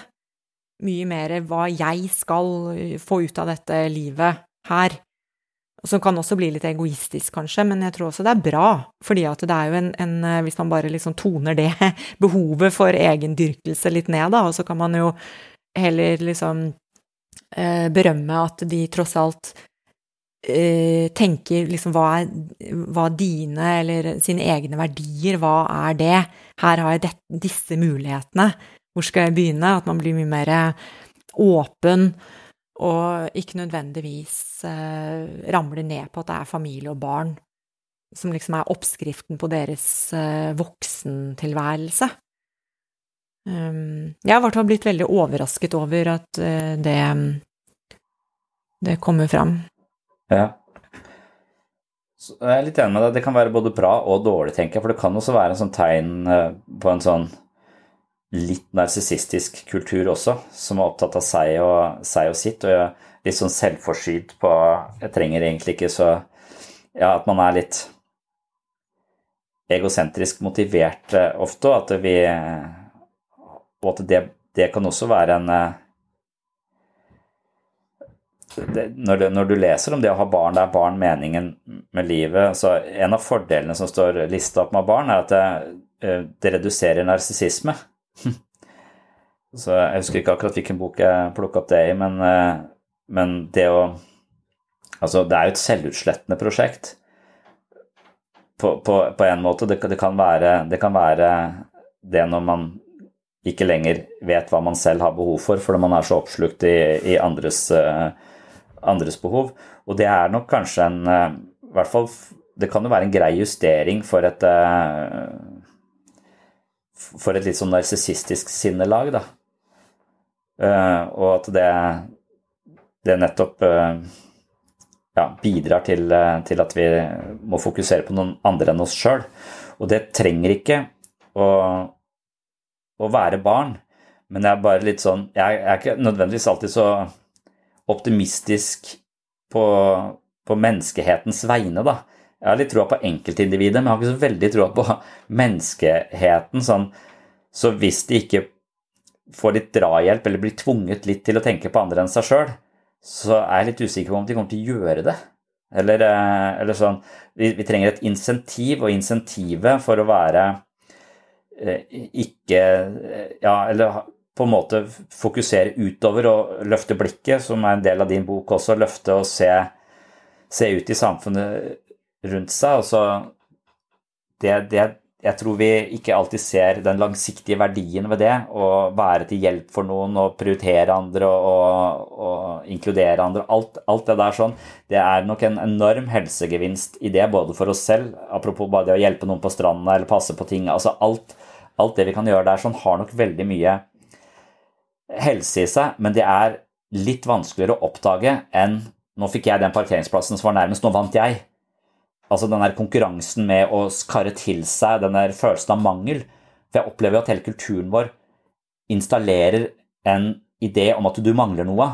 For hvis ikke du mangler noe, så kommer ikke du til å bruke pengene dine. Hvis ikke du bruker pengene dine, så kollapser hele kapitalismen, hele det økonomiske systemet. Det er nesten som vi lever i en hel kultur som skal gjøre oss egosentriske og vise oss hva vi mangler eller vise oss hvordan huden din blir mer rynkete, og du kan gå opp til kvinnehelseklinikken og, og få liksom sånn hele tiden. Og når jeg hørte på den podkasten, så trenger ikke å snakke men den derre Pia Tjelta de der på den kvinneklinikken altså, du, De to som har den podkasten, husker jeg ikke hva de heter, men, men, de sa at du trenger ikke å vite hva du feiler før du kommer til oss. Vi har eksperter som kan fortelle deg hvordan du Altså bare Ja, du, du trenger ikke å føle på en mangel engang. Vi skal gi deg en opplevelse av mangel, og så skal vi dekke den. Eh, og så skal du betale for det. Så hele den, den ideen der sånn den, eh, så, så du, Det derre sosiale og fellesskapsaktige Jeg tror du kan bli sånn småbarnsfascist. Du blir bare sugd inn i deg og dine. Eh, men, men, så tror jeg også du kan bli sugd litt inn i seg sjøl. Hvis ikke du Først er du sugd inn i deg sjøl. Først var jeg veldig egosentrisk, så ble jeg opptatt av, av noen andre enn meg selv, som kanskje er de nærmeste en partner eller noe sånt noe. Og så kanskje narsissisme har lagt seg såpass mye at jeg kan begynne å kikke utover. altså Det er en slags trinnvis bevegelse mot mindre grad av narsissisme og en større sånn verdenssentrisk fokus. Så de menneskene som vokser sunt, de vil avta i narsissisme og dermed ha en større kapasitet for å delta på andres vegne og føle en glede ved det. Ikke at jeg mangler noe, men jeg har noe å gi, på en måte. Og jeg, vet ikke om man kan hoppe rett dit. Eh, at man må liksom mm. eh, man må, man må, være litt klok og litt eldre for å forstå det. um, mm. Mm. Og det er vel kanskje bare sånn som menneskeheten utvikler seg, eller et, et enkeltindivid også utvikler seg, og kanskje en kultur utvikler seg. Jeg er bare litt redd for at kulturen vår ikke utvikler seg, at den går litt i feil, at den regredierer mot mer narsissisme. Og da blir det enda vanskeligere det prosjektet å, å ikke bare ha disse kjernefamilierelasjonene, men, men liksom bare få, få, en struktur som på en måte kanskje er litt mer sånn kollektivistisk. Da. At det er arenaer og mange arenaer for tilhørighet og, og kunne ha verdi og bli venta på og vente på noen andre. Altså skape de, de tingene der. Det er sånn et alternativ til, til dette med, med kjernefamilien. Mm. Ja, jeg vet ikke hva jeg skal uh, si om det. Det er vanskelig å liksom vite om om det bare holder med en ny generasjon, og at de er mer opptatt av seg selv, det at man da går i en gal retning. Jeg, jeg er enig i at hvis man bare har fokus på seg selv, så mister man uh, den, uh, den tankegangen om hva kan jeg bidra med? Da er det mer hva kan samfunnet hjelpe meg med? Så når du da kommer som nyansatt og ung, så vil du spørre hva er, den, hva er det dere gjør for meg her, liksom? Hvor er alle godene mine? Hvor skal jeg sitte? Altså, liksom Den tenker jeg kan eh, Det er jo noen som skriver om det, at det Sånn kan det bli. Ehm, men jeg tenker, jeg tenker uansett at det hjelper at vi er klar over det. Det hjelper å, å skjønne at vi får det bedre ved at vi er en del av samfunnet og tar hensyn til hverandre og får de smilene i trafikken istedenfor at du blir pottesur. Jeg tror det hjelper. Men selv om det kan føles litt sånn voldsomt eh, at det er et stort samfunn der ute som man liksom Hallo! Skal liksom, hvor skal man begynne å rope? og så er det noe med at innsikt Du skjønner det ikke før du har merket det selv på kroppen. Du kan ikke lese en bok. Og da hjelper det kanskje å bli eldre, da. Ja, så hjelper på en måte så har, sorg, sorgen og erfaringen, den, den og livets tragedier en slags eh, Det vil også hjelpe deg. Det har en eh, Når, når du har opplevd faenskap, så er du mer tilbøyelig til å være empatisk og sympatisk og, og, rett og slett medfølende for andre i samme situasjon. Så, så det vil også være så, så hvis du opplever et handikap eller et eller annet sånn, en eller annen krise i livet, så, så, vil du også ofte få en høyere grad av uh, empati med de som, uh, som er vanskeligstilte, kanskje litt på tvers, selv om de ikke er helt lik deg, så, så vil du få en større grad av uh, så Sånn sett så kan du jo det Men, men har du f.eks. snakket med Ole Martin Moen noen gang om, om hans ideer om familiestrukturer og sånne polioamorøse mennesker som jeg prøver for oss Ja, ja du, jeg har invitert han ja. til podkasten, men har ennå ikke svart ja. Men kanskje er det på tide å For jeg, er veldig nysgjerrig på hva han tenker. Han går jo langt i å, å, ha egne meninger på tvers av det de fleste vil si er det normale i samfunnet, da. Ja, for, for han vil vel eh, han vil vel være en slags talsperson for at Han mener at det, eh, det å være leve i et partnerskap med én person, det er en eh, Det er utsette vedkommende for eh, ja, tvang og tortur, nærmest. Altså, du tvinger den andre til å bare være sammen med deg, og han mener jo det er helt uhørt. Så, så han står for en helt annen form for struktur, hvor man kan leve flere sammen. Og være glad i flere på, på en gang, og ha flere, flere partnere. sånn at de så han er vel en forkjemper for å lage familier som ikke inneholder bare Eh, to foreldre og barn, men som kan inneholde fem foreldre og eventuelt ingen barn, eller to barn, som alle de fem passer på. Eh, og det, da vil det ikke være selvfølgelig da ikke biologisk, men, men at han, han, Det er som om han prøver å sparke litt i de etablerte strukturene der sånn. Mm. Og det syns jeg liksom Det fascinerer meg litt, og det syns jeg er uh, det, uh, og da sitter jeg kanskje fast i min egen sånn uh, tilkortkommenhet, da, for når jeg ser det fra mitt perspektiv, når jeg ser på den typen strukturer, så vil jeg, vil jeg være bekymra for menneskets natur når man skal uh, dele i det Altså, sjalusi virker som en sånn trussel mot denne mot denne strukturen. Jeg føler du skal være litt sånn psykologisk Supermann. da. Du skal være så godt, så trygg på deg selv hvis du skal dele Altså hvis du skal åpne opp for den typen eh, eh, relasjoner, og så opplever jeg at han er det. At han er veldig rasjonell og veldig sånn klok og, og, og ikke sånn nødvendigvis drevet av følelser. Sånn at han, han, har et fornuftig perspektiv på ting da, som er vanskelig å argumentere mot. Men hvis du er litt mer sånn følelsesstyrt, føler deg litt usikker på deg selv og ikke blir valgt den kvelden, så kan Altså, jeg bare, jeg bare lurer på om ikke det kan også bli en slags um, At det kan Potensialet for konflikt virker høyere. Altså, jeg syns det er vanskelig nok å dele livet med et annet voksent menneske, liksom, hvis jeg skulle blande inn enda flere. Så, så vidt jeg klarer én, føler jeg. Ja. men det kan være at, også at det motsatte hadde vært at det presset, når man er flere, vil fordele seg jevnere. Som jeg opplever på jobb, da, at jeg aldri er aleine. Ofte så sitter folk med, med, sine pasienter på et kontor, mens vi er alltid i gruppeterapi fem som er rundt i kulissene og, og fordeler trykket. Så vi føler oss aldri sånn overbelasta der. Så det kan være at det er den fordelingen av det mellommenneskelige, og så er det noen som hadde kapasitet til å trøste når ikke du hadde det, og at det egentlig at det er en mulig måte, en ganske sånn flott måte å, å, leve på, hvor min bekymring for konflikten egentlig er overdreven, da. Ja. Jeg klarer heller ikke å se for meg at det går an å leve sånn. Jeg tror jeg hadde blitt uh, altfor sjalu og bare hatt uh, Nei, nei, det hadde ikke gått. Ja. Men det er spennende likevel at han har de tankene. Eh, men jeg syns også at eh, som regel eh, så reagerer folk liksom med forundring og litt sånn hæ? Ikke sant? Så, så, man er ikke Vi er jo ikke der at vi tenker oi, han har valgt det! Jøss, yes, så spennende! Vi går inn i det og liksom Nei, undrer oss litt sånn Ikke nødvendigvis negativt, men litt, kanskje. At liksom Fungerer det, da? Hvordan er det, og sånn? Så vi er jo ikke der at vi er eh, åpne for det. Jeg tenker at han er et skikkelig unntak. I mine øyne, da.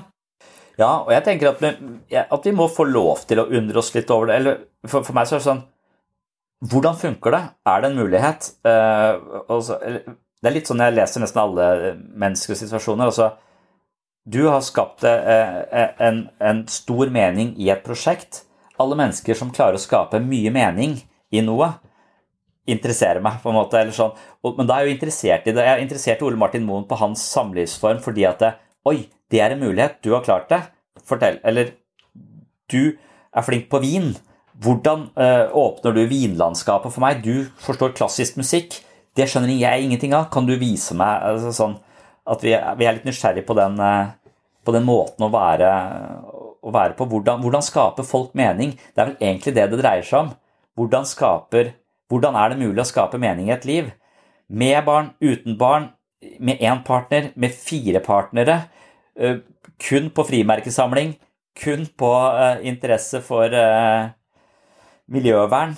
Altså, noen Alle har jo sin måte, på, på sett og vis, og kulturen tilbyr noen ferdigsydde maler. Dette pleier folk å få mening ut av det karriere pleier folk å få mening ut. av. så vi, vi, har en kultur med et slags tilbudstorg av ulike livsprosjekter som, folk, som har vist at folk får mening ut av. Og hvis ikke de passer deg, så må du faen meg lage ditt eget, da. Og det er vel litt det som kanskje er beundringsverdig med din, ditt prosjekt også, at du ut fra noe som tilsynelatende ikke var en god ting for deg, har blitt en veldig meningsfull ja. ting for deg. Og noe du, du skaper mening i, som du også Ja. Det er akkurat det, og det kan Av og til så er det litt sånn hva er det jeg driver med? Hvorfor, hvorfor, gjør jeg dette her? Kunne jeg ikke bare rygget tilbake og levd mitt, mitt, vanlige liv, holdt jeg på å si? Men det er akkurat den derre kraften i det å, å, å, gjøre noe som gir mening, da. Og for meg så er jo det å skape noe, gjøre noe for andre Jeg bygger opp et fantastisk nettverk, det er jo så mange som tar kontakt med meg, jeg kan ta kontakt med andre. Så det er jo en sånn det er en tilknytning til andre mennesker her også, og en enorm sånn eh, det blir jo kanskje egoet mitt igjen, da, som tilfredsstilles, men jeg får jo veldig mange kommentarer på at det jeg gjør, er så bra. Så, og jeg, jeg, løftes jo veldig opp av det. Men jeg tenker jo også at det er sunt, fordi at jeg, jeg gjør det jo for andre. Jeg trenger det jo ikke selv lenger. Men jeg har sett den verdien det har gitt meg, da, å få, få det, så det har jeg lyst til å, at andre også skal oppleve. Så det er jo en Men det er Det er jo litt rart at man kan skape så mye mening i noe som jeg var veldig sårt, og som jeg ikke lykkes med. Det er jo litt Men kanskje det er den motsetningen også, da, som er litt sånn Det er så mye energi der, liksom. Det er så mye sånn motsetninger i ja, min sorg, men nå gjør jeg det til det, og liksom Og noen ganger så blir jeg jo helt vippet av pinnen, for det blir for mye for meg. Men det også å liksom tørre å kjenne på det, å være der, og liksom eh, Motivasjonen også kanskje til å liksom eh, Jeg skaper mitt eget liv, min egen driv. Det gir jo enda mer påfyll av, eh, av motivasjon for å gjøre det, da. Akkurat som jeg har skjønt noe. Kanskje det? Ja, jeg, jeg, føler du har skjønt det. Jeg føler at du, du åpner Altså, du, du, du, kanskje lager en ny mal. Samfunnet manglet en mal for dette. Og så kan man tenke ja, det, det er jo ikke så mange. Jo, det er ganske mange. Det er 10 av kvinner og 20% men det er en jævlig stor andel av befolkningen. Du sa 1 og 4 og 1 og 6. Som, som du eventuelt er med på å hvert fall undres over hva slags mal kan vi lage i, her, her sånn. Også for å lage den malen så har du avslørt at det, huet vårt er fullt av standarder og målsetninger og verdier som ikke nødvendigvis er rasjonelt begrunna på noen måte, eller i hvert fall ikke ekskluderer andre måter å leve på. Så litt sånn som vi bare må At, det, at jeg kan føle meg som fra familieperspektivet altså At jeg kan føle meg som en udugelig pappa veldig ofte. Jeg tror det er veldig sunt å føle seg litt som en udugelig pappa, for da er, du litt på, på ballen, liksom. Men du, det er, det er, hvis du bare adopterer de standardene for hvordan du skal være, uh, så, så, så, vil du hele tiden føle deg tilkortkommen. Så det å avslå det Men noen av de standardene der er helt fucked up. Vi lever i en verden som er så opptatt av sikkerhet at uh, vi kan nesten ikke møte mennesker og snakke om uh, psykiske plager uten å ha skrevet en kontrakt først. Altså, at, det, at det, vi er så opptatt av å Eller det er noen standarder som legges for oss som ikke nødvendigvis er hensiktsmessige. Og det er noen verdier som er installert i huet vårt som vi er fiksert på, og som vi tror er eh, default mode, eller det er det alle gjør, det er det som er standarden. Og så viser det seg at det fins 100 veier, eller eh, like mange veier til mening som det finnes mennesker som eh, har kapasitet til å skape mening. Og det å lure folk litt ut, det er egentlig det psykologifaget dreier seg om. Det er å lure folk litt, eller få folk til å tenke over ja, men hvor kom den standarden fra, som du hele tiden ikke når opp til? Eller hvor kom den ideen om at det eneste meningsfulle livet er i den retningen? Hvem er det som har sagt det til deg? Fins det andre mennesker som lever på andre måter, som skaper like så mye mening? Altså at det, og det å si at kjernefamilien er ikke nødvendigvis den eneste veien til et eh, relasjonelt meningsfullt liv, det, det, er jo egentlig ganske åpenbart, men det er ikke sikkert folk tenker over når de går på autopilot. Det er, det er noe som kanskje du setter på agendaen da, og viser, og da, da, tar du liksom denne standarden her, den har vi levd etter så lenge. Dette her er noe veldig mange mennesker går rundt og tror, og hvis de da ikke lever opp til det, så kan de, kan de føle seg De kan skamme seg, de kan føle seg utenfor, de kan føle seg annenrangs. Altså de kan få masse merkelige følelser bare fordi at de ikke nødvendigvis uh, har tilgjengelig den veien til, uh, til, mening. Og så finnes det da sannsynligvis hundrevis av veier til, til mening. Det er jo et uh, Det er kanskje det, det, du, det, du, gjør, at du bare gjør oss oppmerksom på et verdigrunnlag som, som vi har importert i huet vårt. Da tror jeg svaret mitt er ja. Ja. Rett og slett på det. Ja, det var eh, Cecilie Hoksmark fra podkasten Barnløs og forfatteren av boka ved samme navn. Hun har eh, mange interessante perspektiver på det å skape mening i livet, og jeg har møtt henne ved et par anledninger.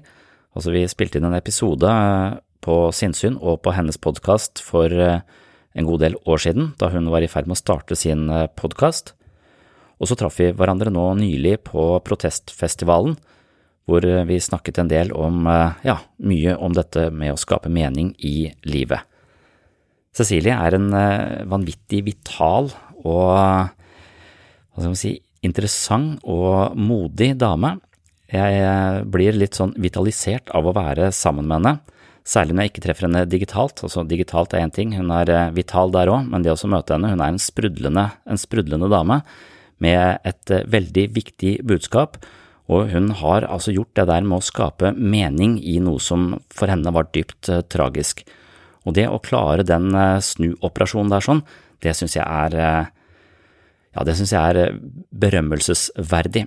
Så Cecilie hun ser jeg virkelig opp til, så hvis du ikke har sjekket ut hennes eh, podkast enda, så gjør det.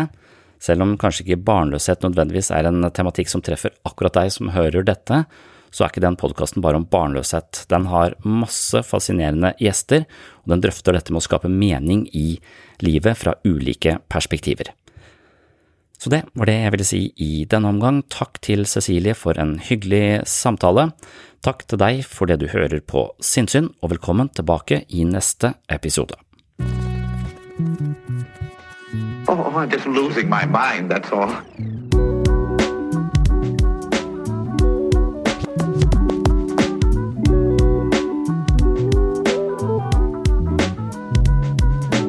I can discuss some of the I can discuss some of the I can discuss some of the psychological aspects of the case.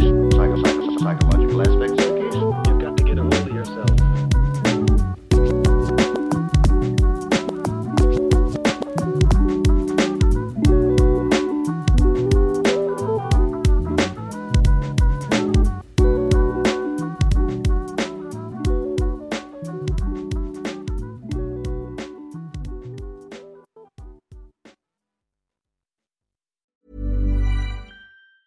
Normally, being a little extra might be a bit much, but not when it comes to healthcare. That's why United Healthcare's Health Protector Guard fixed indemnity insurance plans, underwritten by Golden Rule Insurance Company, supplement your primary plan so you manage out of pocket costs. Learn more at uh1.com. Planning for your next trip?